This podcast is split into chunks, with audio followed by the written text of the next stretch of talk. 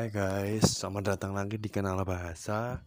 Jadi buat subjek dan verb itu tadi itu ada rumusnya.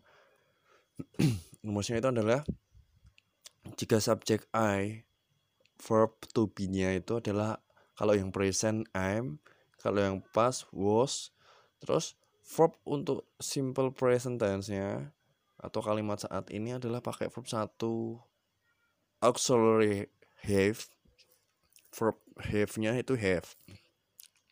Terus untuk we present are past were.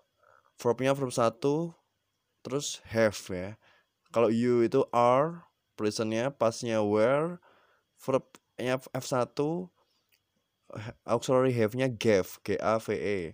Kalau he see it present is past was terus verbnya tuh verb plus s ya ada s-nya jadi terus have-nya auxiliary have-nya pakai has.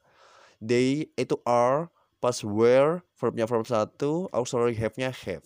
Oke gitu guys